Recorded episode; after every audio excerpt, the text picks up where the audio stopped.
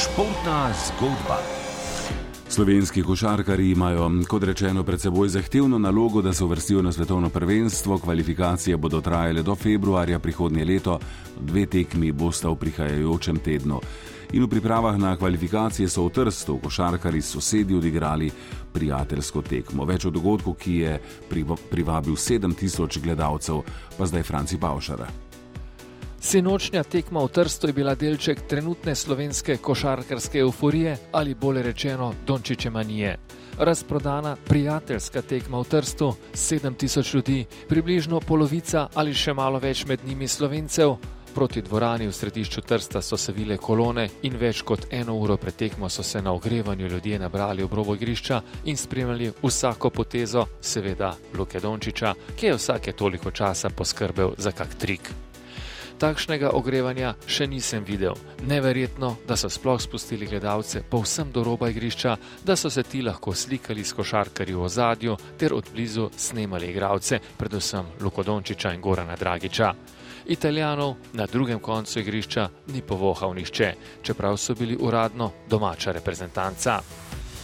Ob takšnih nevsakdanjih prizorih smo se morali prav uščipniti in si reči, pa saj to je le prijateljska tekma prijateljska tekma, ki je z obiskom, ushičenostjo in medijskim pompom presegla olimpijske evropske tekme, presegla februarske kvalifikacijske tekme košarkarske reprezentance.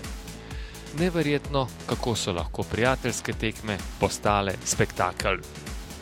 Pred desetletji so košarkari jugoslovanske reprezentance na pripravah igrali zaprte tekme, po katerih večinoma niso niti objavili rezultata ali pa kvečemu le to, Pripravljalne tekme so bile, kot pove ime, namenjene pripravam, torej v igravanju, pa tudi skrivanju svoje taktike, ne pa spektaklu.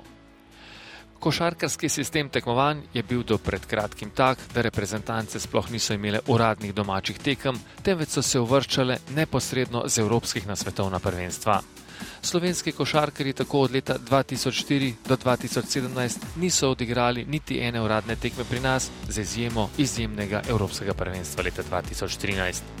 In zato, da so lahko košarkarje približali gledalcem, pa konec koncev tudi pokroviteljem, ter da so si prislužili kaj denarja z oglasi in panoji, so začeli delati spektakel iz prijateljskih tekem že pred zvezdništvom Dragiča in Dončiča, z njima pa je priložnost za trženje še mnogo bolj ugodna. In prijateljske tekme so postale dogodek in to celo pomemben dogodek.